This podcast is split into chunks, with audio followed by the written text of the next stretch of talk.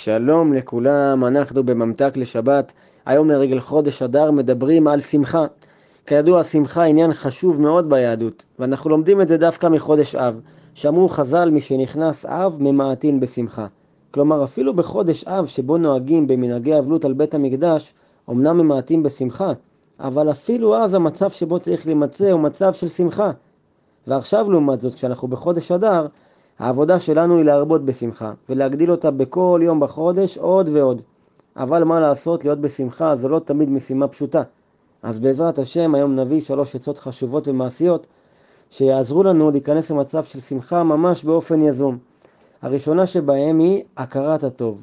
אדם צריך להזכיר לעצמו כמה טוב יש לו בחיים כבר עכשיו, גם בדברים הגדולים וגם בדברים הקטנים והפשוטים כביכול. זו אחת הסיבות לכך שאנחנו מברכים מדי בוקר את ברכות השחר, ומודים על כך שיש לנו עיניים ואנחנו רואים, שיש לנו נעליים נוחות, שישנו וקיבלנו כוחות חדשים. הרי מספיק שאדם ייזכר בלילה שעבר עליו בלי שינה, ואיך הוא הרגיש למחרת, וכמה שינה זו מתנה עצומה שקיבלנו. וכשאדם מתבונן ומודה על הדברים, ממילא הוא מרגיש כמה טוב יש לו, ומתמלא בשמחה. שתיים זה השגחה.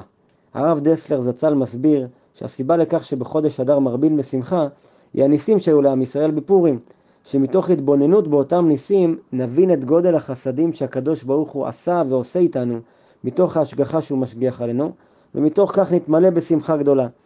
הרי לכל אחד מאיתנו יש ניסים שקרו לו בחיים האישיים שלו, שהוא התפעל והתרגש מהם מאוד, רק שאנחנו שוכחים אותם מהר מאוד. ולכן גם פה טמונה הזדמנות ליצירת שמחה. ואכן רבותינו כותבים שאדם צריך לעשות לו רשימה של אותם ניסים, שהוא יתרגש ויתפעל מהם, והרגיש איך שומרים עליו מלמעלה, ובזכות אותה רשימה הוא יוכל להחיות מחדש את אותן רגשות ולבוא לידי שמחה. שלוש זה כמובן נתינה. דוד המלך כותב בתהילים, פיתחת שקי ותעזרני שמחה. והאדמו"ר מגור הסביר שאדם שיפתח את השק שלו, את הכיס שלו, ויסייע לאחרים, יזכה לשמחה. זו הסיבה שביום פורים, שהוא סמל השמחה, יש לנו מצוות שהן נתינה. משלוח מנות, מתנות לאביונים, וכתוב בהלכה שאדם צריך להשקיע הכי הרבה דווקא במתנות לאביונים. יותר מסעודת פורים, יותר, יותר משלוחי מנות, ולמה? כי ככל שהוא ייתן יותר מתנות לאביונים, ככה בהתאמה תהיה לו בפורים שמחה גדולה יותר. ואני רוצה לשתף בסיפור שברוך השם הייתי שותף לו. לפני כמה שבועות חבר יקר הניח לפניי ולפני מספר חברים שוקולדים. שמחנו. אבל אז הוא הסביר לנו שמותר לנו לקחת שוקולד רק בתנאי שניתן אותו למישהו אחר. חייכנו וקיבלנו על עצמנו. למחרת באמת נתתי את השוקולד למישהו בצירוף של איחול קטן בעל פה, ואותו אדם ממש שמח שמחה גדולה, התרגש מאוד מהמחווה. והדבר המדהים היה, שכמובן עוד חברים סיפרו שגם אצלהם זה נתפס כמחווה מאוד מיוחדת. ושהם מאוד שמחו שזכו לשמח ככה מישהו אחר עם השוקולד. כולנו התפלאנו על איזו שמחה גדולה יכולה להיווצר מנתינה של שוקולד קטן.